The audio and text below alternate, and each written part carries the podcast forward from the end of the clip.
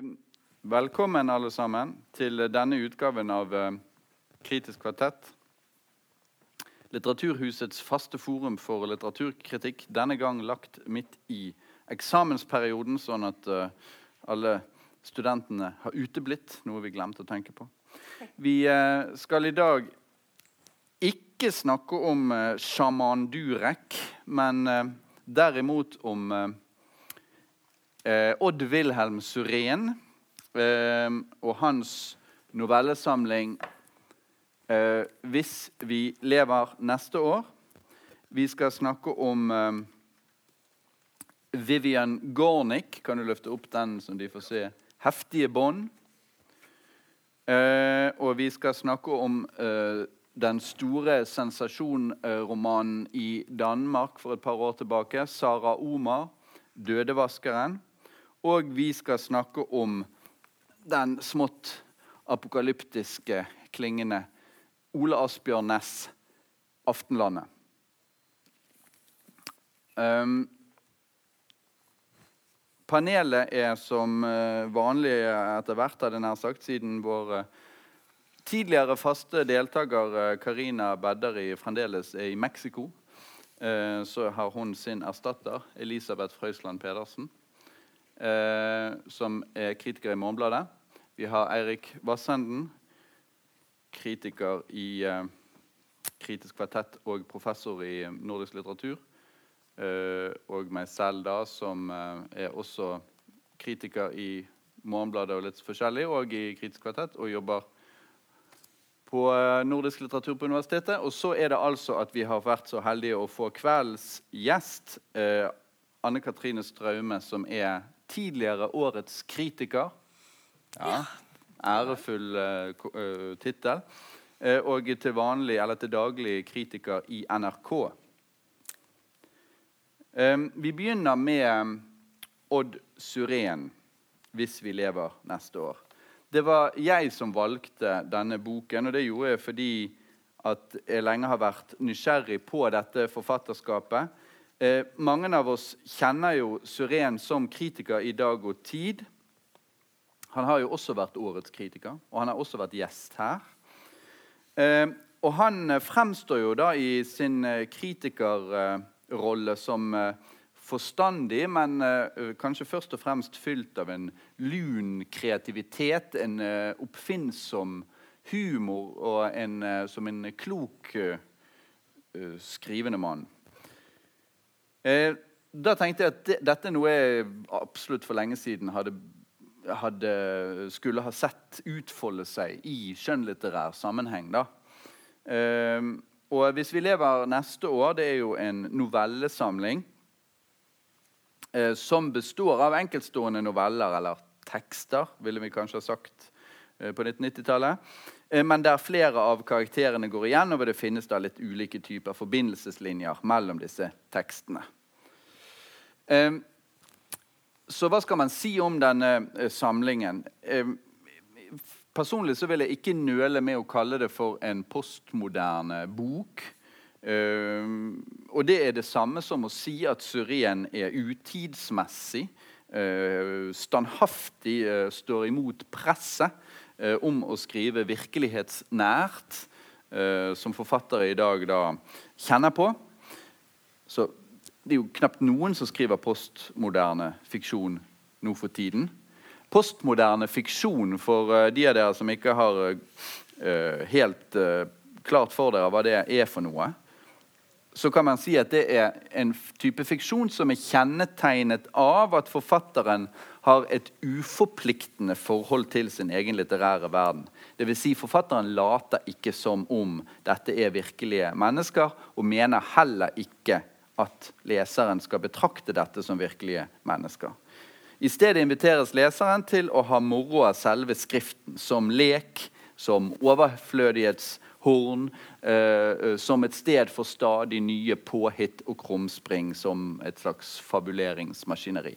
Og Spørsmålet er jo da eh, er dette eh, Kan dette leses med utbytte og glede i dag i vår virkelighetslitteratur-æra. Hva sier du? Det sier jeg. Det kan det. Ja. Absolutt. Um, men jeg må nok innrømme at jeg syns Suren denne gangen kanskje blir anmassende. At han gjentar seg selv. Jeg har lest ham med glede i mange år. Uh, han skriver ofte noveller. Han skriver ofte om en som skriver. Han skriver om dikteren, som han også gjør nå i den første av novellene sine. Så skriver han om en som betrakter andre, og som dikter opp fortellinger. Og det er jo eh, en sånn blanding av virkelige historier og veldig veldig uvirkelige historier.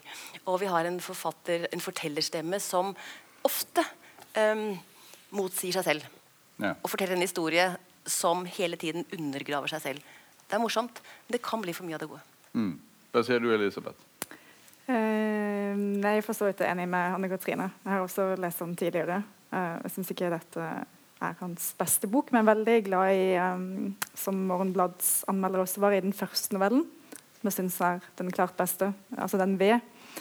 Uh, det er vel også den lengste novellen, eh, men der eh, er akkurat som man ror ned tempoet litt. Og så liker jeg godt det er en veldig fin, rytme i den fortellingen. Og alle de litt sånn smått sånn burleske innslagene som kan bli litt sånn anmassende i andre noveller, de er eh, mer dempet i den første novellen. Ja, og Da kan vi jo Ja. kanskje opplyse publikum om at det er en novelle som eh, handler om en dikter, ja, men som er også en slags uh, tømmerhugger på fritiden. Og det handler om en, en person som driver og feller trær som er der rundt uh, hans eget hus, og som han skal bruke uh, da som ved, men da eh, på en måte altså hvor, hvor vurderingen hele tiden går på at etter hvert som han blir eldre, så må han kutte trærne som er nærmere huset, for han kommer til å bli dårligere stand til å bringe disse trærne hjem. Så det er alderdomstrærne. De står nærmt huset, og så vurderer han hvor langt vekk han kan gå. Og så, videre. og så er det mye snakk om selve det å hugge disse trærne. Og det blir nesten som en dans når han bærer trærne også, for han må bære dette på en måte som han klarer Altså Han drar med seg to lange kvister samtidig. Det handler om det fysiske arbeidet, Ja. som gir han enormt mye glede. Ja, og det er jo nettopp det er Litt interessant at du sier at det er den eh, beste. Jeg er jo enig med deg. Men det er jo nettopp også den, mest, den som er fylt av størst grad av virkelighet. Fordi at det er nettopp en form for sanselighet. Ikke bare en sanselighet, men også en sterk følelse av at Suren kjenner til dette arbeidet. Um, jeg, jeg tenkte litt på den presentasjonen du holdt, at vi bør kanskje nevne altså eh, hele dette eh, Altså hvor mye kropp og altså der i, i disse novellene. Altså hele foranledningen for denne Du kan jo Nei, bare, bare si det du skal si. eh, er at han har en legenabo som soler seg toppløs, og han skal hjelpe meg, Anne Katrine. Hele plottet er litt sånn omstendelig. Ja, han, eh, Det er jo hvilke trær han skal hugge eller ikke hugge Ja. for å fremdeles kunne ha innsyn til hennes uh, soling, da, for eksempel. For en ting er jo disse alderdomstrærne som skal stå, men det er ikke verre enn at han kan ofre et hvis det vil gi en siktlinje inntil der hvor legenaboen soler seg toppløs. Ja, det, er jo helt, det er jo på en måte punchline, Ja, da, at han går og hugger de. Og, og det er vel kanskje også svakheten ved denne ellers synes jeg kjempegode novellen. Altså at den skal være vittig. liksom. Den må han slutte på noe vittig. For ellers så gjør han noe som jeg syns Ja, for den, den, den som du sa, så, så henger de jo sammen, disse novellene. Sant? Og én ting som binder de sammen, er jo Mange av hovedpersonene her er jo en slags sånn altså kroppslighet og, og hypokondri og, og en sånn, sånn nærgående utlevering av sine egne kroppslige komplekser. Eh, han her eh, Det er ikke helt sikkert at eh, det er ikke helt sikkert at han ikke er virkelighetsnær i en forstand. For at dikteren i den første novellen han har noen, sånn, noen likhetstrekk med, med forfatteren Suren. altså fysiognomisk. Kanskje ikke når det gjelder hypokondri. det vet jeg ingenting om. Det er snakk om en tjukk mage. den. Men så er han ikke bare opptatt Den av sin aldrende mannens tyknende mage. det er et men, fenomen men som ikke bare opptatt av sitt eget forfall, men også f.eks. denne kvinnelige legens forfall. Da, hvor tjukk, Ja. nå hun blir tjukkere og tjukkere år for år, og det registrerer han. eh. Absolutt. Jeg, kan- jeg kan si litt om akkurat. Blikket, på, blikket på kvinnekroppen er faktisk noe som er interessant å diskutere. Men, men det der hypokondriet, da, sant? det fins en sånn der det finnes en beskrivelse av hva skal man kalle det den eh, maskuline resistensen mot å snakke med fagmennesker når det gjelder kropp og sykdommer og helse. Det er en annen skikkelse som litt lenger ute i, i, i boken eh, får det han ganske kjapt selv diagnostiserer som ringorm etter å ha oppholdt seg i det er vel eh, Afrika eller no, ja, Eh, sant? Det er noen sånne sammen, sammenhenger mellom de forskjellige novellene her. Mm. Og, som, man, som man fort diagnostiserer som ringer, men insisterer på å medisinere selv. Eh, Istedenfor bare som man selv også sier etter tre sider. Jeg vet hva jeg lider av, jeg vet hva jeg burde gå og gjøre. Snakke med legen, få en ordentlig medisin. men faen heller, jeg går på apoteket og ser om jeg klarer å finne noe som jeg kan behandle med selv. Så den der liksom, innsikten i den mannlige eh, Hva kaller jeg det for noe? Eh, motviljen mot å ikke fikse problemer, heller snakke om dem med seg sjøl eller reflektere om dem. Den, den er fin der, og den er til stede i en del andre eh, tekster også. Eh, og så er det, det er noen sånne verdi eh, hva skal man kalle det, noen sånne verdinormer som trekkes opp her i denne første novellen, V, som også dukker opp senere. Altså, sånn, eh, det gamle, det, eh, det som handler om en eller annen form for tradisjonsbevissthet, det representerer visdom. Mens sånn, eksempel denne kunnskapen om at man skal hugge trær i en bestemt rekkefølge, og at man skal bruke jorden på bestemte måter, og, ikke kjøre med traktor ut, eller ikke slippe kyrne ut på beite når det er vått, og så videre, for da trakker de ned. Altså, sånn, det Naboen hans, er det Randolf han heter, han hugger bare de trærne som er nærmest. Han er, den, han er den late, dumme som representerer det, alle på en måte, modernitetens uh, mm. idiotier. Mm. Uh, så der er det sånn, veldig sånn, sånn klart, uh, klart verdihierarki, som også fins i en del av de andre tekstene. Han er sterkest, tror jeg, egentlig, når han beskriver det han sympatiserer med. Når han skal stille ut til spott og spe disse, disse mer moderne livsformene. F.eks. denne navneleken som han har i, i en novelle om et bursdagsbesøk der alle heter det samme. Det er på en måte, De heter Kåre Willy eller eh, Ronny, Anita, Tanita. ja, alle kvinnene heter Anita eller Tanita. Eh, og det blir selvfølgelig litt morsomt, men også litt utmattende. da. Eh, men der er det bare da eh, denne moderne påfugl eh, skryter av sitt jordiske gods som man ikke egentlig har fordi alt er belånt osv. Det er bare det som stilles ut. Og det blir ganske kjedelig, ganske tomt, når det er kun det. Ja, men da, så da, da har egentlig alle nå sagt at det er den første novellen som gjelder, og så er det, blir det bare mer og mer uh, tull og tøys? Nei, den andre er også ganske god. Og så er det noen glimt Den som heter inni audiens. ja, det, det er noen glimt inni noen av dem, tenker Ja, jeg. Men det er det at når du, du får alle etter hverandre, og så, og så blir det en del gjentagelser. Men jeg syns at på han kan av og til minne om en Lars Saabye Christensen i den der ordleken, bruken av språket. Han har også et slektskap med Knut Hamsun. For eksempel så er det en som heter hva heter han, Sebulonsen. Ja, det er jo en sånn ren Men det er jo en Hamsun-parodi. Det er jo det, ja. Det er, landstryk, det er landstrykere komprimert til syv-åtte sider. Ja, men det, men det tenkte jeg, det, jeg likte det. Um, så, så han har noen sånne små eh, vink da, til folk han eh, er imponert over eller har et forhold til, tydeligvis. Um, Jeg tenkte på den første novellen, så tenkte jeg litt på Hans Herbjørnsrud. Ja, det tenkte jeg også på. på- ja. Ja. For det er jo en postmoderne novelleskriver i Norge. Ja, men i motivene og Ja da. ja, mye som Litt sånn på eh, landet. Men bare for å, si, bare for å forklare litt hva, det, hva han f.eks. gjør da, i disse novellene, som er sånne her eh, eksperimenter som, som er morsomme for de som liker den slags, for å si det sånn. Ehm, det, det er sånn Anton Helder dette sånn begynner han, Anton Helder er ikke en mann i 50-årene. Og han er ikke på fisketur ved fjellvannet Låkesjø, som jo heller ikke eksisterer, så vidt vi, hvem nå vi måtte være, vet. Eh? Og det er jo på en måte litt morsomt når du det, hele, hele novellen er sånne benektelser. da At det ikke er sånn, og du må ikke tro det sånn. Og, ja. men, men spørsmålet er hvor lenge du kan holde det gående før det blir litt sånn Før du blir lei. Sant? Og jeg blir for min del lei. og det er det han gjentar også i en novelle til, hvor hvem er det som hater hva heter hun, Tone Hi, Trude Him mest? ja, eh, Om en kvinne som tydeligvis har et agg til denne Trude Him, og som hele tiden sier at nei, men det er ikke meg, men også hele tiden benekter og undergraver. Eh, så han gjentar seg selv eh, litt for mye. Ja. Og så er det jo dette med at, at alle skal være liksom noen ordentlige raringer. Eh, og det er jo litt sånn Men, men alle de tekstene som vi nå trekker frem som dere, vi syns det blir litt mye, Ja. som er pastisjer eller bare lek, eller sånt, de er jo da også heller ikke tekster som eh, De tekster som da står i bøker skrevet av en fyr som heter Wilson Lampe. Altså Han rigger til et sånt system med en forfatter inni en bok som er skrevet av uh, Ja, og det må jeg si, det, oh, det gadd jeg rett og slett ikke å forholde Nei, meg det ble litt kjedelig. Det, altså, altså, Jeg bare leste Det det, sånn- uten det, egentlig. ja, Samtidig så må vi kanskje også tenke at han har, han har, han har pakket sine mest lekne tekster inn i en sånn lek. da Ja. For, å for å stille ut dette til Ja. For, for man kan jo spørre seg da om er dette en novellesamling, eller er det egentlig en slags roman med ulike små springende historier? For det er jo et, en fellesnevner gjennom hele. Ja. Men Nei, det kalles novellesamling. En vitsesamling. Ja.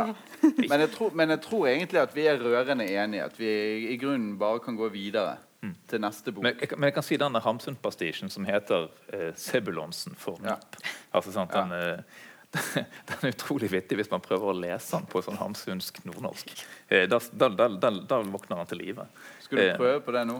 Er det det du har tenkt? Nei, ikke med mindre du nøder Nei, nei jeg skal ikke. Jeg skal ikke gjøre det. Men den, den har, altså, han, han får til et eller annet der. Han er god til å herme stemmer. Ja. Men så, så er han så god at han av og til går litt for langt, og så blir det litt for, litt for lekent. Ja, men det er jo den der eh, altså det, det, det som jeg gjerne vil, vil, vil på en måte kanskje Eller eh, innrømme, da, det er jo at det kan hende at, at det rett og slett er det at vi andre er så inne i en annen type eh, forventning til hva litteraturen skal gjøre.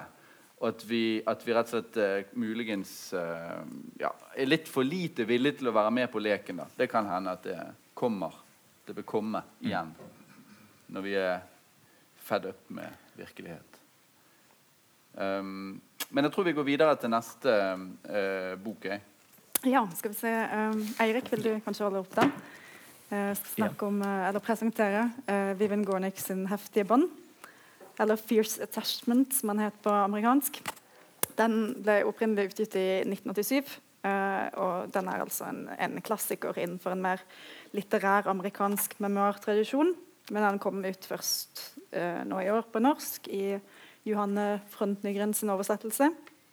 Eh, på det tidspunktet hvor boka kom ut i USA, var Gornick allerede sjøl godt voksen eh, og en allerede etablert kritiker og essayist. Og den vekslinga mellom det intime og mer analytiske kan man finne igjen i fortellerstilen.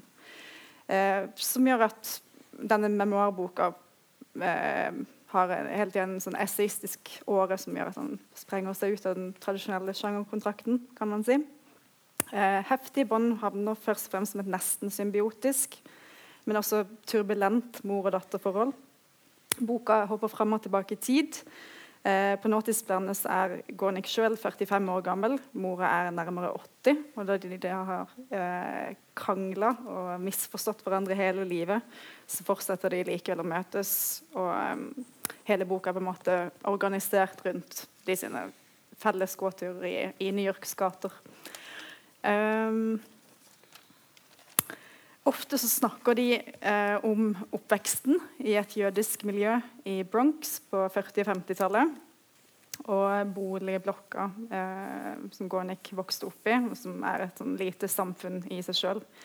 Eh, strengt tatt en verden der hvor brødre, onkler og ektemenn kun er den fargeløse statister i en hverdag dominert av robuste og rappkjefta jødiske matriarker, som man kan kjenne igjen fra en type sånn, særlig Philip Roth-romaner.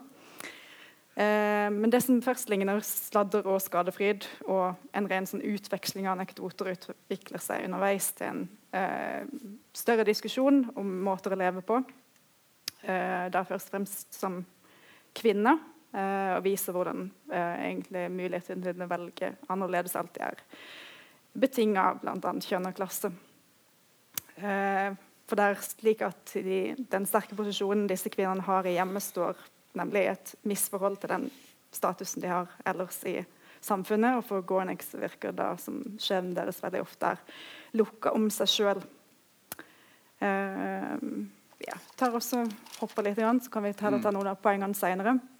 Uh, det som er kanskje mest interessant med denne boka, er at når Gornick da skriver om sin mor, skriver hun mm, alltid en viss forstand oss som en hel generasjon mødre og døtre. Eh, selv om hun i voksen alder bestreber seg på å forstå de dypere årsakene til mors generasjons ambisjoner ofte strander på kjøkkenet, eh, så blir hun fremdeles rasende over de samme kvinnene sin videreføring av de forestillingene eh, om kjærlighet og mor- og datterrollen som de sjøl ikke fikk pust i. Eh, dette er også en slags intellektuell tilblivelseshistorie, men det spesielle med den er at hun da velger å på en måte fokusere på de kvinnene som har forma oppveksten, typisk hverdagsmennesker og husmødre, framfor fremfor lærere og altså, folk hun har møtt senere i livet. Uh, med et kritisk blikk, men hele tiden med en sånn som skinner igjen med en sånn uendelig fascinasjon da, for disse sånn kvinnestereotypiene. Og sånn voldsom glede over å dykke ned i detaljer ved det livet de levde, som på mange måter en veldig sånn levende framstilling av et på mange måter ulevd liv, da, kan man si. Så mange. Jeg tenker vi kan ta det derfra. Skal vi det? Ja, så du, du, er, du er sterkt positiv til denne? Sterkt positiv. Ja, Eh, ja. Anne Katrine? Ja, jeg må jo si meg skjønt enig der, da. Kjedelig, vil jeg. Men eh, det er helt åpenbart en veldig veldig sterk historie. Um, jeg forteller en, Dette er jo en memoar, ja. Det er jo, så vi vet jo at vi leser virkelighetslitteratur da, eller selv om det er uh, da, Jeg vet ikke hva vi skal kalle det, fiksjon eller ikke, men, men det er jo eh, Hun ser tilbake på sitt eget liv. Og jeg forteller den her, da. Hun blir altså dratt mellom moren og hennes litt stramme, trange verdenoppdragelse og nabokona Nettie, som eh, representerer kjærligheten, det grensesprengende. Altså Moren hun bruker hele livet sitt på å klage over at ektemannen dør på et tidspunkt, og etterpå så er hun i sorg. En forferdelig tung og knugende sorg som hun også trekker denne datteren inn i. Og hun lever ikke livet sitt fordi hun lever gjennom sorgen og den store kjærligheten som hun forteller om. Denne Nettie, som er naboen, hun eh, har en stormende forelskelse eller en kjærlighetsforhold til en, en ung fyr som idet hun er gravid og har vel kanskje akkurat fått dette barnet, dør. Og I en slåsskamp på I- et uh, vertshus i Singapore. Ja, Nei, Østersjøen. Var? Ja. Mm. så her er det sterke krefter og, og, og ja, dramatikk på gang allerede der. Men uh, etter en kort periode hvor hun viser at hun er uegnet til å passe på dette lille barnet sitt. Hun kommer inn på kjøkkenet, for i denne leiegården da, så er det veldig mange som kommer til moren uh, til Vivian, da, hvis vi skal kalle henne det, og, og snakker om livet sitt. Disse kvinnene har mye med hverandre å gjøre. Men Nettie hun kommer inn og klager sin nød, og det er uh, Vivians mor som må ta seg av henne til en viss grad. Eh, Etter hvert så er hun ikke alene hjemme i sin egen leilighet, men det kommer mann etter mann. Og hun innvier da denne lille jenta i sitt liv. Hun sitter og følger med på de diskusjonene som de har på kjøkkenet, og vet ikke helt om hun skal tro på det ene, tro på det andre. Hvem er det hun kan identifisere seg med? Eh, og det tenker jeg også er noe av spenningen i denne boken. Hvordan hun, nettopp disse to eldre kvinnene de konkurrerer på en måte også om hennes gunst eller om hennes fremtid. da. At hun blir prisgitt liksom den ene moren som drar i den trange, den litt sånn selvoppofrende, eh, rigide eh, eh, henseende måten. Mens Nettie da representerer noe helt annet. De, de er jo grenseløse på hver sin måte. Sant? Mens moren er grenseløs i sin omfavnelse av den sorgen som hun gjør til sitt måte, eneste prosjekt og forlanger og forventer at alle andre skal gjøre det, så er jo Nettie grenseløs i sitt begjær. Og i sin mangel på forståelse av grunnleggende omsorg. Altså sånt, eh, eh, Vivian kommer inn i leiligheten hennes på et tidspunkt eh, der hun ser at Nettie holder på å forføre eh, en prest som hun driver og kravler. Han ligger påkledd i sengen sin mens hun, må- Nettie driver og kravler over han naken. Mens hennes femårige sønn Richie sitter fastspent i en stol og ser på.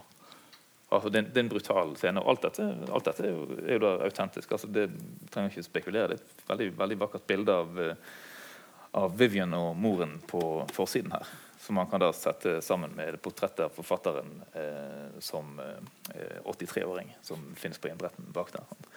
Eh, jeg syns den er en helt fantastisk bok.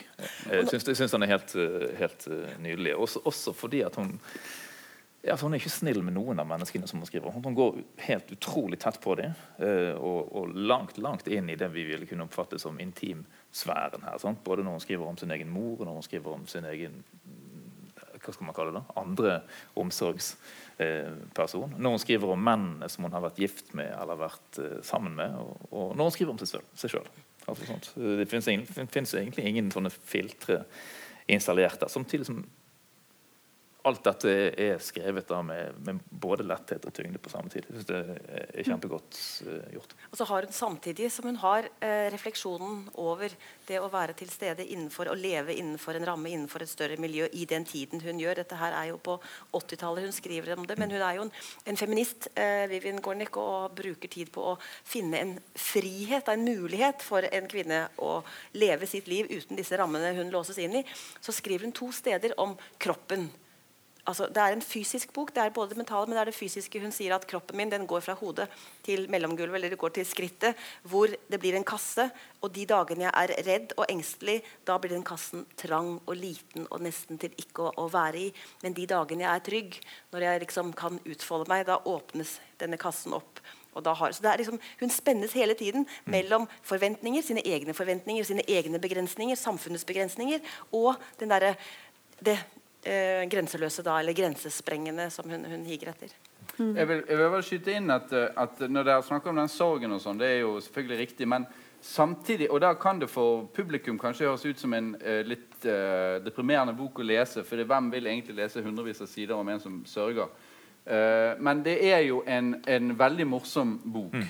Fordi at, også fordi at disse her Dere kjenner jo den der jødisk-amerikanske typen fra, litt fra Woody Allen, til og med i Seinfeld kan man se altså Foreldregenerasjonen til Seinfeld nede, som bor nede i Florida. Sant? Du kjenner disse typene som evner, som er veldig fascinerende i det at de evner å være så storslagne i det hverdagslige fordi at de er så eh, De stoler på en måte så, så mye på sin egen personlighet og rettmessigheten av alt de mener og tenker i en hvilken som helst situasjon, så har de på en måte Det virker som de ikke har noe filter, og alt kommer rett ut. Eh, og, og, det er rett og slett det er eh, veldig morsomt. Hun, moren her hun sier jo alltid at eh, hvis hun får høre da, et synspunkt som hun er uenig en, hvilken som helst ting, så hun, har hun en fast replikk. Det er et uutviklet menneske. Du må ikke høre på hun. Det er et uutviklet menneske. Og sånne ting, og der er en litt liten, litt sånn skjønn scene på et eller annet tidspunkt der uh, datteren har gitt henne en uh, biografi. Mm. Og så uh, har hun da moren lest den. Eh, og så går de på disse vandringene sine i, på Manhattan, og så sier, eh, begynner moren, skjønner datteren at nå hun, skal hun bringe denne biografien på bane. Og så sier hun 'hør her', eller noe sånt. Og da, så sier datteren Nå vet jeg nøyaktig hva hun kommer til å si. Helt nøyaktig. Og, liksom, og, så får vi litt sånn følelser knyttet til det. Og så skal moren si det. da Og så sier hun da ordrett det datteren har liksom tenkt at hun skulle si. Men istedenfor å bli sint så sier hun eh, du har rett til å være negativ til denne boken, men du kan ikke si at du ikke har lært noe av det livet her. Og så blir moren taus. Og så går de i stillhet en stund, og så sier hun hun der der, altså. Hun sto på, gjorde hun ikke? Jo, hun sto på. Ja, jeg er egentlig misunnelig. Hun levde. Jeg levde aldri. Men, men, men, hemmeligheten er vel det som kommer frem, er at de lever jo. Det er jo ikke ulevde liv. Det er jo bare det at de ikke lever i de lever i det private rom, så å si. Det var det jeg mente ja. i, i sted. Men, eh, men jeg, eh, jeg, tror nok jeg er helt enig. Jeg, som alle andre er selvfølgelig veldig glad i den, alle de New York-jødiske klisjeene, men det er jo alt det som løfter ut av de klisjeene, som gjør dette til en veldig god bok. Ellers så kunne vi bare sett noen Woody Allen-film. sant? Eh, men eh, jeg tenker på mora, da. Eh, regisserer jo et helt sånn sorgteater når eh, mannen hos den dør. Altså, da ser hun på sånn Å, min mulighet til få min skjebne. Mm. Til å, å, ta kontroll over min egen skjebne. Mm. Min skjebne gjør meg til et unntaksmenneske. Ja. Som, um, alle disse typete skildringene av hun Nettie, som egentlig er en sånn klassisk femme fatale. Mm. Som, som, heller, som, som mangler fullstendig virker det som, eller, eller ja. later de som. da, Mangler selvbevissthet om sin egen femme fatalhet. Men som hun likevel selvfølgelig har en viss Men jeg, jeg, jeg syns det er helt fantastisk hvordan hun, hun, hun blir liksom beskrevet som sånn, selve inkarnasjonen av sex. Altså, Vivian, mm. Når du går på gaten, ja, folk kan uh, se det. Nei, men, jeg, jeg, tenker på seinere, når Vivian altså, når hun er med menn senere, så er det akkurat som hun er med henne fremdeles. altså Hun anerkjenner mm. meg i bakgrunnen. Som er en sånn ja, vanvittig sånn uh, ja. eh, karismatisk tilstedeværelse, kan man si. Det ligger også noen sånne hva skal man kalle det, noen mer sånn dybdepsykologiske tråder her. Sant? fordi det antydes jo, eller det kommer frem på et tidspunkt at uh, faren til Vivian nok har hatt et forhold til denne kvinnen Nettie som har gjort morens måte, tragedie enda større. Sant? Altså, hun hadde allerede mistet sin mann før hun mistet ham. sånn at sorgen er, sorgen er egentlig viktigere eller mer reell eller mer hennes da, enn det hennes ektemann var. Bruker Nettie på et uh, tidspunkt hvor de er uh, uvenner, så konfronterer hun, eller insinuerer hun i hvert fall overfor moren at uh, da blir det et sterkt brudd mm. mellom de to. Mm. men Vivian, hun, som jeg syns også er så fint med boken, er jo det at hun hele tiden reflekterer over seg og sin plass i livet og i dette store sammenhengen. Og et sted så møter hun igjen i voksen alder um, et barn i en annen jødisk stor familie som de var mye sammen med om sommeren. Og da sier hun Levinson-familien, tror jeg de heter, og sånn, hun beskriver dem som de var alltid på fart. De var alltid på vei til noe. De skulle et annet sted, og de var liksom underveis. og sånn. Jeg var aldri med, sier hun. Så hun sto litt på sidelinjen og mm. betraktet de som da var i ferd med å leve livene sine. Så, så nå i voksen alder hun, hun, forsøker jo da å gripe det livet og leve det livet som hun gjerne vil, og sprenge seg ut av de rammene. Ja, det, ja, og det er jo som, som, Elisabeth er inne på, en slags 'portrait of the artist as a young woman'. Mm. Altså Hun må være observatør, og hun, det er hennes litterære utdannelse. Hun sier jo i et intervju et eller annet sted at det viste seg at hun aldri kunne skrive en roman. Men da hun begynte å skrive memoarsjangeren, så bare blomstret alt. Da kom hun til sin rett som forfatter. Hun trengte den sjangeren. Den sjangeren fant henne. Mm. Fant hennes geni. Noe av det som er fantastisk med denne boka, er at eh, den, uh, synes jeg, den, uh, den overflødiggjør en del av de der litt sånn uh, stive virkelighetslitteraturdiskusjonene. bare sin, ja, mm. I måten den liksom utfordrer seg på med liksom største naturlighet kombinerer alle ja.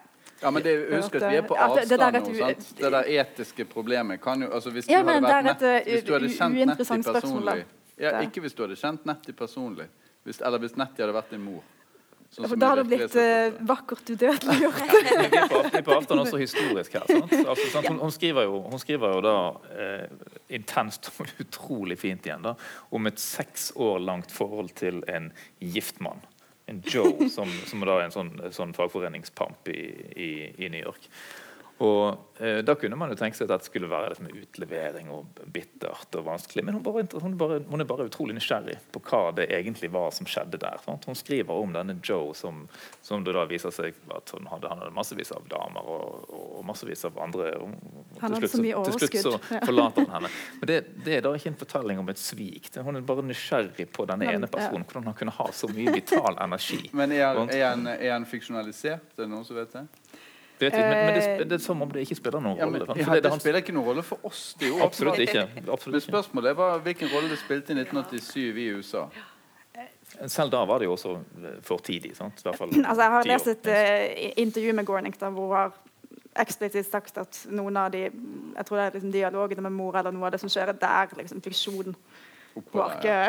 eller det er overdrivelser, da. Men det, det, det, det ligger jo i, i, i, hele denne sjangeren sånn uh, uh, Det passer så godt inn da med liksom alle de overdrivelsene i de anekdotene vi har. altså mm. Føyer seg bare inn i Helt naturlig. Ja. Det er fint å se at en bok som da er skrevet for 30, over 30 år siden, ja. når den da endelig kom på norsk, fungerer så godt som den gjør. Mm. Altså, ja, men en god oversettelse. Ja. Mm. Ja. Ja, noen av oss har jo til og med lest eh, enda, bøker som har kommet ut enda tidligere enn 1987. og de fungerer også. de kan også av og til fungere. Oh, ja. uh, men uansett, vi går over til neste roman, tror jeg. Uh, og den skal du uh, fortelle oss om. Ja. ja. Og det er altså en av de mest brutale bøkene jeg noensinne har lest. Det er en ja, grotesk historie skrevet av Sara Omar. 'Dødevaskeren' heter den. Sara Omar hun er eh, dansk kurder.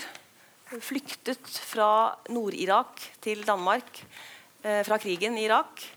Eh, debuterer med denne boken, selv om det står om henne at hun har skrevet poesi tidligere. Uh, hun har sagt at dette er ikke en selvbiografi, men man kan vel anta at det er mye selvbiografisk i denne historien. Det er en historie på to ulike plan. Det ene er nåtidsplanet. Der er vi i København på et sykehus hvor Frmesk, eh, en ung kvinne, eh, befinner seg. Hun skal ha en operasjon, for hun har tydeligvis store indre skader. Vi får ikke vite hva det gjelder. Hun kommer i snakk med en ung sykepleier, eller medisinerstudent er hun vel, som heter Daria, som også er kurder. Så de to får en samtale gående. Eh, parallelt med dette så hopper vi tilbake nå er vi altså i 2016 i, i, på Danmark-planet. Så hopper vi tilbake til Nord-Irak på 19, slutten av 1980-tallet. Det åpner, hele Boken åpner med fødselen til Fremesk. Uh, og uh, senere så møter vi henne frem til hun er fem, seks, uh, sju år gammel. Hun vokser opp i et ekstremt brutalt miljø. Hun Faren vil ikke vite av henne, for han vil ikke ha en datter. Han har en sønn fra før, men hva skal man med en datter som i tillegg er svakelig syk, kanskje? Eh, dette er et miljø med æresdrap, med overgrep, voldtekter i religionens navn. Det er en brutal og særdeles ubehagelig leseropplevelse som beskrives som virkelighet. Dette er jo utlagt som fiksjon, dette er en roman, men eh, det er nesten umulig å ikke skulle lese inn at her er det en virkelighet eh, bak dette hele. Fremesk er eh, heldig på en måte fordi hun har en mormor og en morfar som er åpne, og som ikke er eh, tradisjonalister. Ikke er engstelig for ja, ja, De må jo ta hensyn til hva andre sier og andre mener, for det kan få fatale konsekvenser. Men morfaren han er ikke muslim, men han er zoroaster. Eller, altså, han tror på en, en annen, denne gamle religionen hvor solen solen, stjernene, godhet, altså, som er preget av mye mer godhet da, og ikke noen strenge regler. Som man kan få inntrykk av at eh, islam gjør. Eh, hun har sagt Sara Omar, at dette er ingen islamkritikk. Man kan ikke lese boken uten å også oppfatte islamkritikk her. Samtidig som hun stadig diskuterer denne fremesk da, i voksen alder. Um, at kritikken gjelder tolkningen av Koranen, og at det ikke er mulig å um, man kan ikke kritisere islam som seg selv, men, men tolkningen av, av, Koranen. 'Dødvaskeren' den tittelen den kommer av at uh, moren til Fremesk Bestemoren blir det. Det er hun som tar seg av den lille jenta etter hvert. Hun vasker døde kvinner som enten har vært offer for æresdrap, eller som har blitt sett på som urene av sin egen familie, som ingen vil røre dem. Hun tar på seg jobben om å vaske disse kvinnene før de da skal uh, legges i graven, så de skal komme rene til, uh, til sin herre. Um, så kan man spørre seg um, er dette den rette måten å beskrive noe sånt uh, så voldsomt på? Skulle det vært en sakprosabok isteden? Burde det vært en dokumentar? For hele tiden underveis her så har vi jo dette um, Eh, hva skal du si, bebreidelsen til det danske samfunnet om at man ikke tror på kvinnene som lider overlast. Man tenker at muslimske jenter som forsvinner, som plutselig blir borte, blir sendt til hjemlandet. Ja, kanskje man tror at ja, ja, men hun ville så gjerne gifte seg. Eller. Så det ligger en sånn mm, ganske, vil jeg si eh, ja, Ikke aggressiv, kanskje, men, men, en kraftig kritikk til samfunnet rundt som ikke følger med, og som ikke tar avstand fra en brutal og mannsdominert eh, kultur. Innbefattet av religionen. Eh, selv om det er, det er, jo vanskelig å vite hva som er kultur og hva som er religion. Eh, denne boken fikk voldsom oppmerksomhet da den kom i Danmark. man har jo også sagt at det er en bok som på en måte endrer hele den danske litteraturen. I Danmark så har de også hatt denne, denne forfatteren som heter Yahya Hassan, poeten, som skrev om en uh, undertrykket oppvekst i et innvandrermiljø og nettopp kritiserte uh, mennene i sin, uh, i sin kultur. hvorpå det har blitt både protester, han har blitt angrepet Han har fått solgt utrolig mye til å være en ung, ung debutant. Så Sara Omar har også slått inn noen dører og så skal vi da diskutere er dette en god roman eller er det ikke en god roman. Og det er et interessant spørsmål. Det er et veldig interessant spørsmål. Og jeg kan jo for eksempel, jeg tenkte jeg skulle sitere et utdrag her, men nå har du dansk utgave. Jeg skal ikke prøve meg å lese, lese dansk. Men for eksempel så er altså farmoren til Fremesk er det mest groteske og ubehagelige mennesket jeg noensinne har lest om. Og når hun eh, dukker opp på scenen for å liksom på en måte gjøre ære på dette nye barnebarnet som blir født, da, og faren han er selvfølgelig ikke til stede, men hun er nødt til å liksom dukke opp likevel, hun er ikke særlig begeistret for svigerdatteren sin, og når det i tillegg er et jentebarn, så blir det enda verre. Men på veien dit, og det blåser, det er sandstorm, det, og det åpner sånn En kappekledd skikkelse eh, banet seg vei gjennom de forblåste gatene. Hun var eh, preget av hat, og hatet hadde gjennomsyret henne hele livet. Mm. Og hun hadde, munnen hennes var et stort eh, flir fordi det fa den ene munnviken mm. falt nedover. Altså det, det tynges på med klisjeer, så du kan bli helt matt. Og du kan jo nesten gi opp bare pga. det. Men eh, samtidig så er jo innholdet så brutalt at jeg tenker ja, ja, hvis jeg nå skal kritisere stilen for mye, så går vi glipp av en viktig roman. Ja. Elisabeth. ja. Uh, hvor var det du uh, Nå var vi på, på en måte selve, om det er en, om det er en god roman eller ikke. Ja, nettopp. Uh, jeg, jeg, jeg, tror nok jeg tenker akkurat stilen altså sånn Jeg kan fint tilgi på en måte uh, den type altså sånn, ja. uh, jeg, tenker nok mer på uh, altså måten den er fremstilt på, om noen ting blir for skrudd til det. jeg tenker når man skal skrive om en patriarkalsk æreskultur, så virker nok de passasjene hvor du samtidig ser at også menn i den kulturen er ofre for den samme kulturen, virker altså, Du har en beskrivelse av et uh, æresdrap og en slags nøling, og beskrivelse av en type sånn massepsykologisk altså, hvor de egger hverandre opp. da ja. altså, sånn, det med, sånn, sosiale psykose, ja. mm. uh, Uten uh, å liksom demonisere én person, da. Uh, sånn som f.eks. med farmoren. Men, men, du har én uh, scene da, som var den jeg spesielt tenkte på, med han sønnen som ellers blir fremstilt uh, gjennomgående usympatisk. Da. Men så har du den scenen da, hvor han uh, nøler med å drepe sin tante. Uh, men da blir liksom egga opp av liksom, vennen sin sånn 'Å, du må gjøre det'. Um, ja, altså Fermesks far, Anwar, ja, nøler med å drepe sin egen tante. Det, det jeg mener, da, er om de der, ja. hvor det er virkelig skrudd til sånn at hver gang en mann kommer inn i rommet, så er det sånn 'hold kjeft, kvinne'. Liksom, at, at, man forstår jo hva det dreier seg om, uten at det hele tiden ja, Så du er enig i at hun, hun, overdriver litterært sett på en eller annen slags måte? Eh, det er jeg enig i. Men jeg tenker sånn som de skildringene som jeg syns kanskje er de fineste i boka, er jo de med denne døde vaskeren. da Mm. Altså disse kvinnene da, som, som vasker disse sånn æreløse kvinnene, som steller de, og de er ganske sånn rolige skildringer. Uh, Sammenlignet med de mer, mye, mye, mye, mer grafiske skildringene ellers i boka. Mm. Da, ja, jeg er enig, enig i det. Altså, det. det. tror jeg nok er en del av hva skal man si, det stilistiske poenget her. Altså, sånn, det er kontraster hele veien. Ja, ja. Kjempestore kontraster. Og, og hver gang det er de slemme slektningene på farssiden, så er det truende skygger og, og ubehagelige, uflidde menn som drikker seg dritings og, og, og gjør de mest groteske ting. Da. Mens det er morssiden så er det da den der lysskjære og, og lettheten som omkranser eh, bestefaren, som er en litterær altså med en litterær person, men også en litterær skikkelse. Eh, mm. og, og, og, bestemoren, eller eh, moren, da, eh, eh, som, som, er en slags sånn ja, en, På denne siden så er hun dette rituelle, denne, denne, som tar seg av de som ingen andre vil ta seg av, og som også tåler og finner seg i å leve med den skammen som da havner på den som gjør det som ingen andre vil gjøre. Eh, som blir beskrevet som et stort, nødvendig offer som hun ikke tenker på som et offer. Eh, så, så den, den kontrasteringen den, den blir, veldig, den blir massiv. Da, uh, og, og, og, samtidig så er det jo veldig vanskelig å ikke bli uh, berørt eller rørt av de der groteske scenene som skildres her. Sant? Det er, er rystende lesning.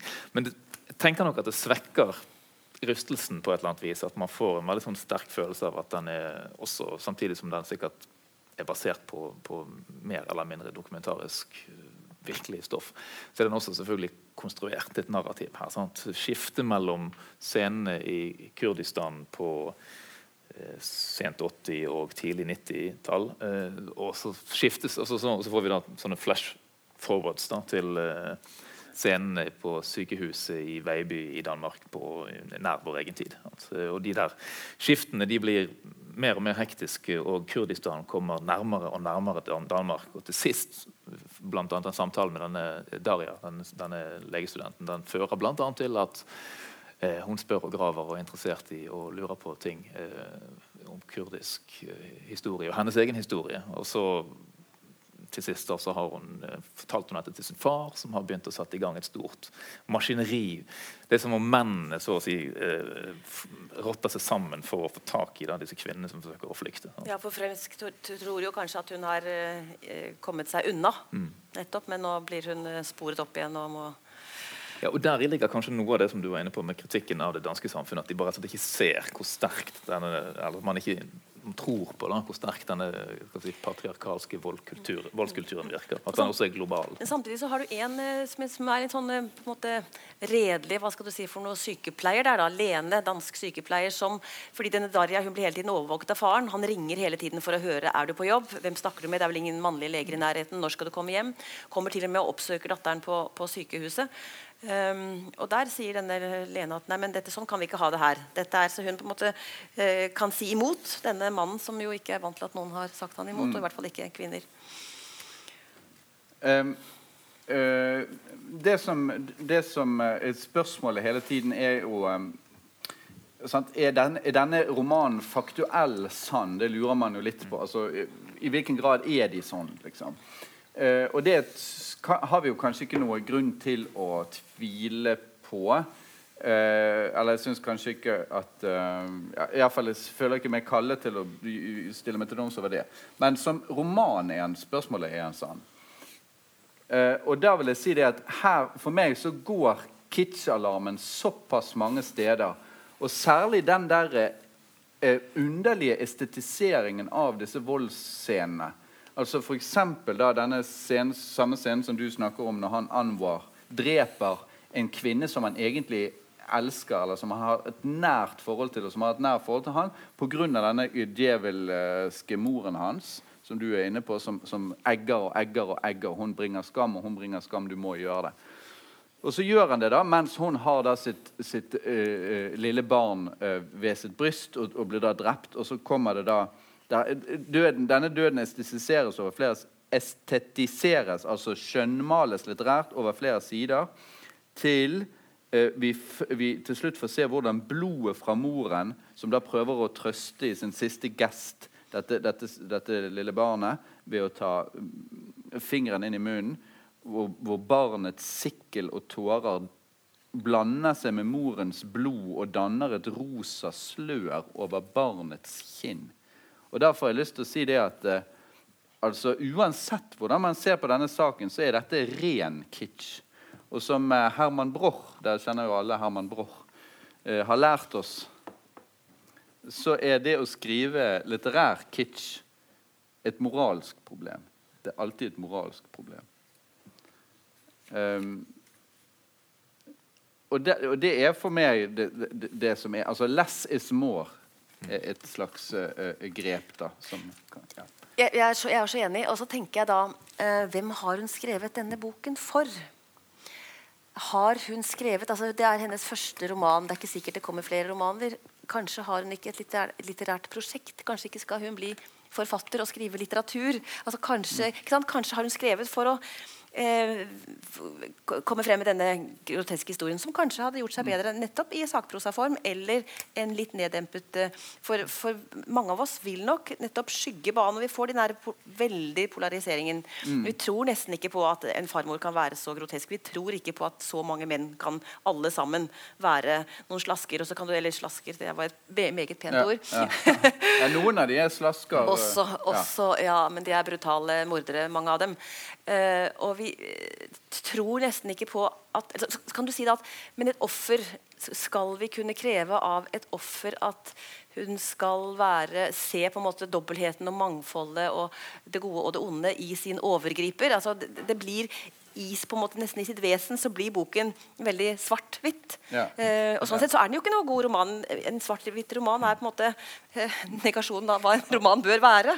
Også den, så rent sånn strukturelt, det som vi var inne på i sted, altså at den, den, den, den lages da for å frem, altså den konstruksjonen som bringer oss frem og tilbake mellom der og her, sant? og som rykker det fremmede inn i vårt på en veldig sånn eh, suggererende måte. Det skaper også en følelse av at man blir hva skal man si, styrt i en viss retning. Men, men altså, som, det har vært en del danske kritikere som har kranglet om akkurat dette, eh, som vi er inne på nå. da, og, og noen mener at den eh, rett og slett på samme måte som Yahya Hassan eh, representerer et slags sånt vannskille. Altså den nytidsregning i dansk litteratur. Altså, det som gjør Den også, den, den, også, den ligner på Yahya Hassan sin, sin diktsamling på, på, et par måter. Også Yahya Hassan sin diktsamling åpner med en forferdelig scene som alle kritikere både i Danmark og Norge eh, siterer fra. Eh, 'Barndom' heter det. Far som, den brutale faren i Danmark som det har linet opp alle sine barn, og så slår han dem. Og det, det er en forferdelig grusom flergråteri i en pøl av piss. Eh, etter en av Og Også denne romanen her åpner med en sånn fortelling om en sånn grusom, grusom avstraffelse. En, en, jente som har fått menstruasjon mens hun er ute og sykler. Eh, og, og, og, som faren da selvfølgelig mener at Eller som faren da eh, mener at har har mistet uh, har, har, drevet med usedeligheter. Ja, du må bare stoppe han. Ja, ja. Han, han er foreleser. Han har denne på pensum. Han er langt inne i forelesning. Men, men, okay, men la, la, meg komme til denne poenget. da. En av de danske anmelderne peker på at problemet med denne romanen er at det er en roman. At det er en fiksjonsfortelling. Hvis den vil gjøre noe i verden, så burde den vært, gjort, burde den vært et stykke dokumentarisk litteratur. Den vil tape fordi det er skjønnlitteratur. Skjønnlitteraturen forandrer ikke verden. Det er jo, det er jo et punkt, poeng å diskutere. Ja. Um, ja, jeg, bare, jeg, jeg, tror jeg er litt uenig i det premisset om at det hadde virka så mye sterkere hvis det var sakprosa. For er det ikke sakprosa vi leser hele tiden da, om uh, disse temaene? Mm. Uh, og så blir alle så grepet når det plutselig kommer en roman som utmaler det. Ehm, jeg, jeg, mener det at de, selv om kitsch-alarmen går mange, mange, ganger hos meg også, så mener jeg de scenen uh, 'Døde vaskeren', steller de døde'. Uh, hele det uh, gjennomgående motivet på en måte som får fram liksom, den perverse jomfrudyrkelsen. Sant? Og alle de absurditetene knyttet til det da, når det er tonet mer ned. Jeg mener det er på en måte et Med liksom sånn alle sine svakheter, så Eh, jeg aksepterer det som et litterært prosjekt. Samtidig som jeg har jo lest uh, altså intervjuer med Sara Moar. Hun kaller det jo selv et ja, kampskrift, som sagt. Hun er jo uh, altså, utdanna statsviter eller uh, altså, veldig reflektert, men hennes bakgrunn er ikke fra det er jo fra samfunnsvitenskapene hun er fra. Det, ja, Du må forsvare det, det standpunktet at det hadde vært bedre som sakprosa. Det var ikke mitt standpunkt. Jeg bare mente at det, det burde ikke, Nei, jeg, vært, det burde ikke vært litterært kitsch, ja, det burde vært god litteratur. Ja, for det, er, det jeg også lurer på, det er ikke sikkert at det hadde, hadde nådd uh, sterkere frem som sakprosa, men, men, som roman. Hvis man ser det som en roman og ikke som et kampskrift, så tenker jeg det faller igjennom da. Men det kan godt hende at det når. Det har jo nådd så mange. Har jo, folk har jo liksom protestert i gatene, og hun har jo selv mm. også nå måttet ha politibeskyttelse fordi at hun har fått uh, uh, angrep fra sine. Uh, vi skal ikke glemme heller at hun kommer fra en kultur, en arabisk kultur. Hun har vært i Nord-Irak, har kanskje lest den litteraturen. altså Det er et helt annet språk de bruker enn det vi gjør, som er mer malende enn det norske språket. Det er Hilde Rød Larsen som har oversatt, vi får bare si det til, fra dansk til norsk. Um, jeg ser at Flere kritikere har også påpekt at når hun skriver på det danske sykehuset, så er prosaen mer stringent og mer sånn eh, prosaisk, for å si det sånn, da, eller mer eh, nordisk, som vi er vant til. Og så blir det denne malende historiefortellingen når hun er tilbake i Nord-Irak. Så det kan jo også ha noe med bakgrunnen å gjøre. Jeg vet ikke hva slags konsulenter hun har hatt når hun skriver i Danmark, da. Men, eh, men nei, ja, nei, men da er det jo nettopp det at hun gjør, det hun gjør, det er at hun sender første kapittel med et synopsis til, eh, ut til noen forlag, og det er budkrig. Mm. For dette er en roman alle skjønner at de må gi ut. Dette er en historie. Sånn at Jeg tror ikke hun har fått så veldig mye motstand. for Men, si det sånn. Uh, noe, noe, jeg leste som jeg syntes var kult, da, var at uh, det er planer om å utgi det på kurdisk. da. Ja. Man kan først få inntrykk av at den er skrevet for en dansk offentlighet. Da, sant? Uh, men uh, hos en plan er det åpenbart at den ja, skal leses i en helt Veldig godt poeng. Jeg er helt enig.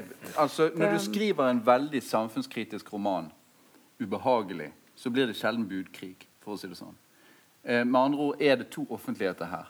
Og det hadde ikke blitt budkrig i Kurdistan. det er det nok ikke. Det om man kan snakke om Kurdistan. Irak det... er det Nord-Irak dette tilfellet. Sånn at, så, sånn at, det er nettopp det er, jo, det er, jo, noen andre kanskje enn dansk offentlighet som trenger denne kritikken mest.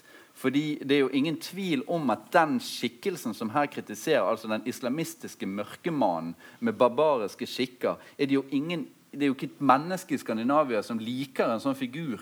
Uh, og det er jo en, en, egentlig en figur alle hadde hatt lyst til å kritisere, men som vi er redd for å kritisere. for vi har lyst til å være rasister. Veldig eh, greit at det kommer en uh, ung muslimsk kvinne og kritiserer dem for oss. Men, men. Vi, vi, må gå videre til neste uh, bok. Apropos uh, kritikk av uh, Vesten og islam, ja, så er jo det fremdeles i, ting som foregår i ja. norsk litteratur. Ja, det fortsetter her, da. en roman med tittelen 'Aftenlandet' det kan jo umulig peke i retning av noe positivt. Altså Aftenlandet det er jo riktignok det gammelmodige navnet på Vesten, Europa, eller den gamle verden, Oksidenten, eller hva vi nå skal kalle det. Men det er også tett forbundet med eh, et skrift som i disse tider trekkes fram med jevne mellomrom, nemlig Osvald Spengler sitt dommedagsskrift over det åndløse Vesten, det som har tittelen 'Aftenlandets undergang', som kom ut eh, i to bind i 1918 og 1922. Eh, og Det er en sånn undergang, undergangsstemning som vi møter i eh, Ola Asbjørn Næss sin roman. Eh, som er hans andre roman. Altså, han debuterte i 2005 eh, med en bok som han da fikk eh, Tarjei Vesaas debutantpris for. Og så da denne nye, store. Eh, jeg skal innrømme at Det er en viss interesse for sånne hva skal vi si, apokalyptiske eller nærapokalyptiske, eh, dystopiske nesten fortellinger som har fått meg til å velge denne. Eh, rett og slett fordi det, nå, det finnes så mange av disse, denne typen fortellinger, beskrivelser av eh, vår verden, eller det som ligner på vår verden, med et sånt undergangsblikk. Eh, ja, En verden på vei mot, eller allerede i undergangen. At det er interessant rett og slett å spørre hva betyr det. At, at, at det, blikket fins hos så mange. Eh, så hva er det da vi finner hos Ness her? Eh, dette er en roman med tre hovedfortellinger som blir flettet sammen. Først så møter vi da den norske finans- eller valutamegleren, spekulanten Daniel, som da på 90-tallet jobber i London, i City. Eh, og Vi følger han da mens han er med på det ene økonomiske raidet etter det andre. Vi får innblikk i eh, rovkapitalismens kynisme, det hule livet til disse spekulantfolkene, men også da gradvis et innblikk i hans traumatiserte syke. Deretter så møter vi Kateb, en ung eh, algerisk forfatter som flykta til England, til London, etter å ufrivillig ha blitt involvert i regjeringshærens jakt på terrorister i sitt hjemland, og uskyldig utsatt for brutal tortur. Også Han møter vi på midten av 1990-tallet. Og Gjennom fortellingen der så føler vi da konsekvensene av det vi kunne kalle utviklingen av, av eh, islamismen i hans eget hjemland og i Europa. Det er en historie om vanskelig integrering, om kyniske hjelpere eh, og om kunstnerisk fiasko. kunne vi kanskje kalle Det Det som, som da gjør han til et offer for religiøse ekstremister. Eh, den tredje hovedpersonen er den norske Hanna, som er Daniels ungdomskjæreste. Eh, som er da skuespiller og dramatiker, og som forsøker å skrive om den umenneskelige, kapitalsentrerte livsformen som hun ser rundt seg, da, som bare gjør mennesker ulykkelige. Og I siste del av fortellingen så møter hun Kateb. De finner hverandre i felles ulykke på et mentalsykehus og på en eller annen måte redder hverandre uten at det nødvendigvis ender godt. da. Eh, som jeg ser det, så er det her tre tråder som da knytter seg sammen, og kanskje også tre former for undergangssymptomer, som Ness beskriver. Eh, og tre typer kanskje samfunnskritikk han også skisserer for oss. da. Det første og mest opplagte er da finansindustrien eh, som uthuler, utbytter, tømmer verden for verdier og meningen. Altså, denne kritikken er like gammel som Det gamle testamentet. Sannsynligvis er han også eh, eldre enn det. Eh, den er ikke nødvendigvis helt sånn originalt fremført her. da. Det er kanskje heller ikke poenget. Altså, i Spengler sitt 'Aftenlandets undergang' så er det jo også, altså Aftenland går jo også under da, hos Spengler i ganske stor grad pga. den globale, eller det som hos han heter den engelske kapitalismen. Det er en av hovedmotstanderne, fiendene for Vesten. Eh, den andre samfunnskritiske linjen like tydelige, er skildringen av hvordan religiøse fundamentalister, spesielt islamister, får lettspill i en verden der hvor egentlige verdier har blitt pulverisert, og der meningstomhet brer om seg. Og så finnes det en sånn tredje, litt vagere samfunnskritisk prosjekt her eh, hos Ness, en mer sånn eksistensiell, og som handler om grunnvilkårene som har skapt en verden der individene lider i ensomhet og dør hver for seg. Eh, og Så finnes det en annen utgang her. Eh, det kan vi kanskje snakke om. jeg vet ikke om dere er enige med meg. Eh, romanen slutter da med noen barnestemmer som peker mot det vi kunne kalle et slags soloppgang. Den har en slags, sånn, eh, slags optimisme, i, fall i metaforisk betydning her. da. Eh, men jeg syns ikke helt det funker. rett og slett. Jeg syns liksom ikke helt han får det til å henge sammen. Eh, de to første fortellingene, den om han Daniel, spekulanten, og Kateb, den algeriske forfatteren, den er styrt av en type sinne som egentlig er litt interessant. Eh, mens den tredje fortellingen om eh, analysen av det kan vi si da, på, på individnivå får, får, ikke helt til å sitte. Eh, så Denne, denne Hanna-historien er vel det som skal binde disse to andre sammen. og den, den er det noe litt rart med. Der du lokaliserer skavankene. Hva sier ja. du, Anne Katrine? Og Hanna representerer kjærligheten, omsorgen, godviljen. Um, jeg syns det er en utrolig ambisiøs roman.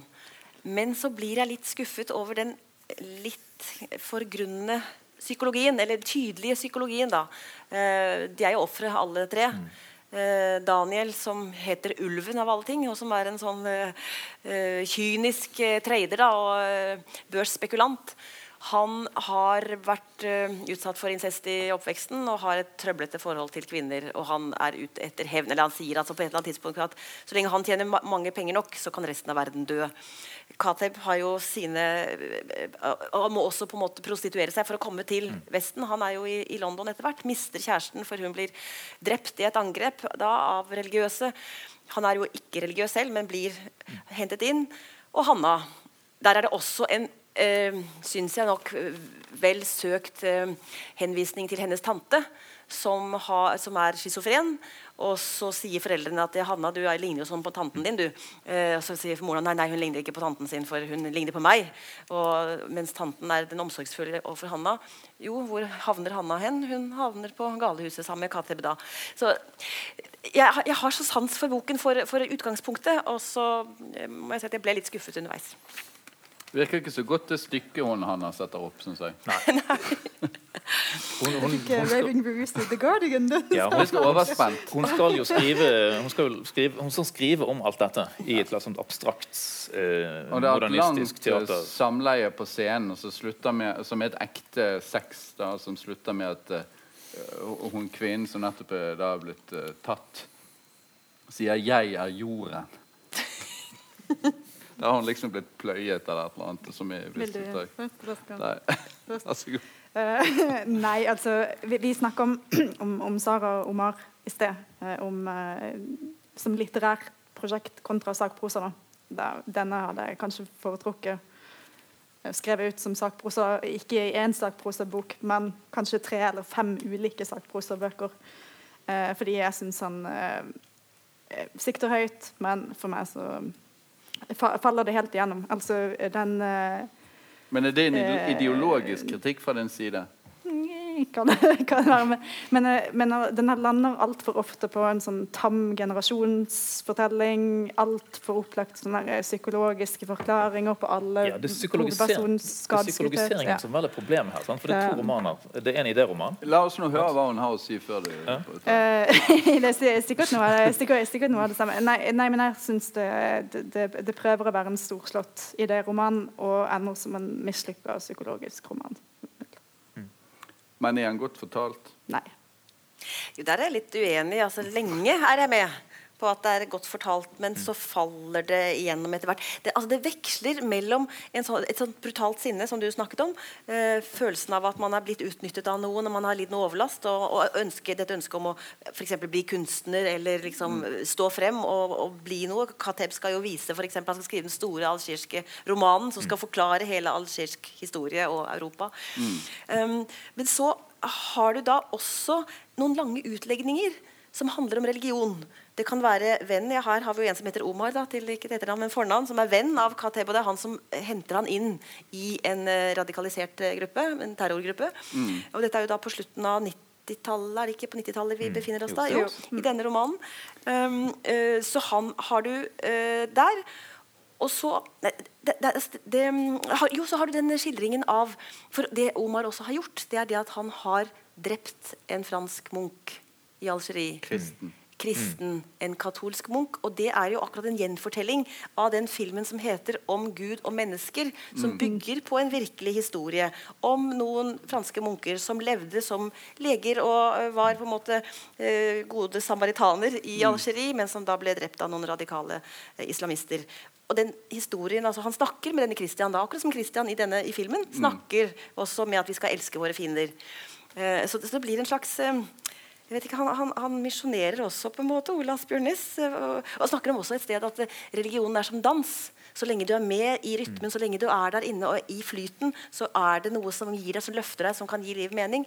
Men så skurrer det litt, eller hvis du mister rytmen, så er du ute av det da. Ja, altså det, det, som jeg, det som jeg var i gang med i sted, da, det er at de, de to sidene av romanen ikke helt danser sammen, da, for å si det sånn. Altså i Altså, Idéromanen, som, som jo er vel kanskje det kultur- eller samfunnskritiske prosjektet her, og, og, og som forsøker å forklare tror jeg, det der sinnet som, som dukker opp. Altså at han mottoene hans er et sitat fra Pankai Mishra sin, eh, sin store analyse av vår tids sinne, 'The Age of Anger', heter boken til Mishra. Altså, og, og, og det er et sinne et eller annet, altså på flere nivåer her, som også trenger å bli diskutert og analysert. og forstått. Men problemet her er at det tilbakeføres. Det gis noen sånne psykologiske forklaringer. Eh, Daniel han går inn i dette maskineriet og blir slukt av det. lar seg sluke av det, med med på å sluke andre fordi at hans mor har systematisk forgrepet seg på han fra han var seks år gammel eller syv år gammel. eller hva det nå er for noen ting. Eh, Kateb er rasende av eh, gode grunner, forskjellige grunner, men det er også der ligger det en sånn psykologisk forklaringsprofil under. Og så er det den uklare tredje ja, kjærlighets... Eh, Som også tingene. har blitt eh, tvunget av Daniel da, til å ta en abort, som hun aldri kommer over, eh, Hanna. Ja. Mm. Men spørsmål, hvis, det, hvis, det nå er en, hvis det nå er en idéroman hva er, eller La oss si, noe- heller si det sånn. Hvis det er en tendensroman, hvilken, hva er tendensen? Hva er det denne romanen mener? Hva er ideologien til den romanen? Altså Han tar opp islam, åpenbart kritisk. Eh, tar opp eh, turbokapitalismen, åpenbart kritisk. Eh, eh, tar opp, ta opp eh, venstreliberal kritikken av turbokapitalismen i form av Hanna. Åpenbart kritisk til det òg. En idiotisk, idiotisk forestilling. Og så eh, eh, drar de eh, til eh, Sovjet, eller tidligere Sovjet, med Jelena, da, som er da denne eh, turbokapitalismens eh, eh, kjæreste. Så kommunismen også tas opp eh, og beskrives litt. Grann. Det er noen fordeler med å være fra Sovjet når du kommer til USA. Du er rett og slett tøffere. Men ellers er jo alt helt forferdelig der. Ok, Så alle disse tingene forkastes. Så hva er det som står igjen? Jo, det er jo katolisismen på slutten. Daniel blir katolikk. Denne munken eh, han eh, kritiserer eh, islamisten på en måte som har etter mitt syn romanens tilslutning. Det islam ikke har, det er sentensen 'elsk din fiende'. Og Hvis de hadde hatt det, så hadde det vært på en måte på nivå med kristne, men det er det ikke.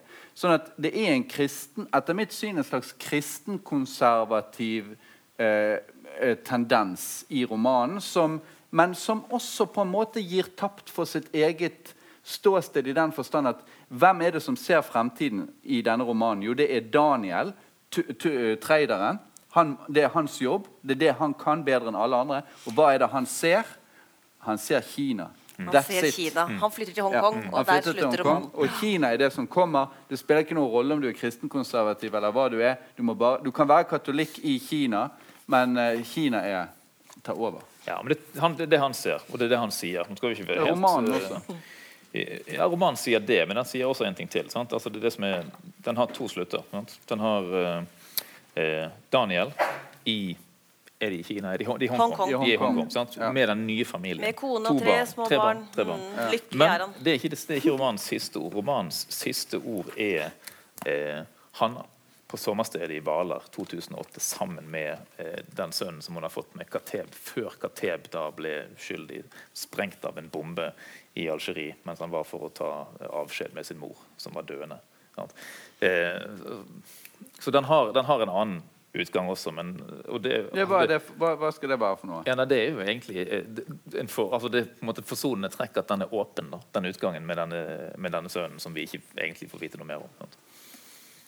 Altså at det er et barn i Norge, er ideologisk oversatt til hvilken Altså, så posisjon. så tungt At et håp, da. Ja, ja. Sant? Men, men også klart at okay. barna, barna her er jo ideologisert som del av denne familie, kjernefamilien sant? i Daniel-historien.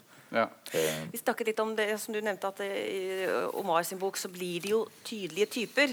Og det er vel det som er en utfordring her også, at disse, han har gjort dem til så tydelige nesten sjablonger. da, At uh, nettopp, da blir det en mer idéhistorie, idéroman enn det blir en eh, Jeg, jeg tror mitt problem er en som idéroman at en prøver å se på en sånn alltid en gryte. da. Men så, ja, utrolig sprikende eh, ja.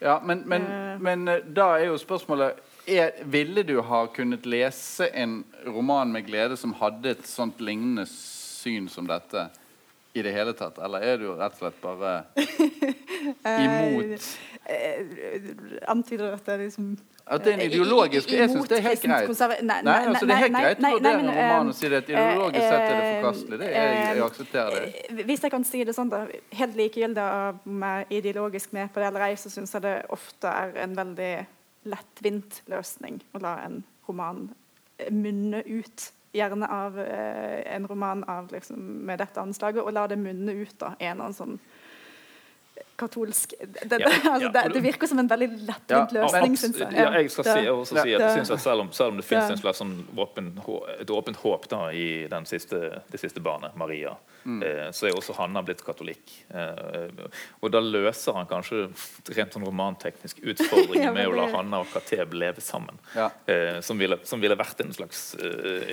uavklart situasjon. Men, men, men romanen er jo altså er uen, Det jeg er uenig med deg i, er at, at den er dårlig fortalt. Jeg synes han er godt fortalt. Jeg synes det er det han har. Eh, og det er, ikke, det er ikke så lett det er å fortelle Um, godt. Og det er, jeg tester jeg kort og godt med hvor fort det går å lese. Særlig, særlig den Kateb-historien syns jeg Ja. den, er- den, er- den er Det er ganske mye driv i, den. altså. Det går fort og greit å Men den er en, også en lang bok. altså Den er ferdig 470 sider, Mm. eller sånn ganske tjukk. Og den kunne godt vært kuttet ned med 100 sider. i hvert fall. Ikke minst Daniel, som har disse her eh, tilfeldige dame, altså sexhistoriene sine. For han må på en måte tvinge seg på, for det er jo en del av hans eh, liv. da.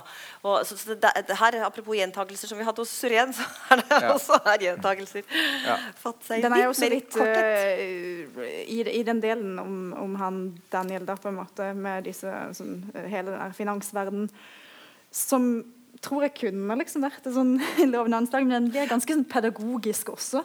Men det er jo veldig vanskelig. sant? Dette med finans, Jeg er ikke så sikker på om finansverdenen ble kritisert i Det gamle testamentet. sånn som Eirik Ikke finansverden, men Det, ideen om, ideen om fremstår for meg som ganske eksotisk, abstrakte ting, dette her med Ja, ja. shorting og Men, Ja, men ideen om papirverdier, altså papirer som relaterer seg til noe annet abstrakt, ja den, er, den er der. Ja da, ja. Og den er det vanskelig å forstå også. Eh, Vi må, vi må runde av, eh, Redd. Eh, Tiden er gått ut. Men gjerne Ja, for jeg, jeg jeg, si Han skal ha for den ambisjonen om å Ja. prøve å skrive en roman om finansverden. Hvor mange er det som gjør det og får Ja, det det- til? Det bør vi absolutt få flere av i fremtiden. Ja, men jeg er enig. Jeg er enig. Eller vi kan gå på kino og se en av de talløse filmene om uh, finansindustrien. Vi takker av for denne gang. Eh, takk for eh, fremmøtet, og velkommen igjen til eh, høsten, med mindre dere skal på Lillehammer litteraturfestival, hvor vi skal eh, turnere eh, I slutten av mai. i slutten av mai.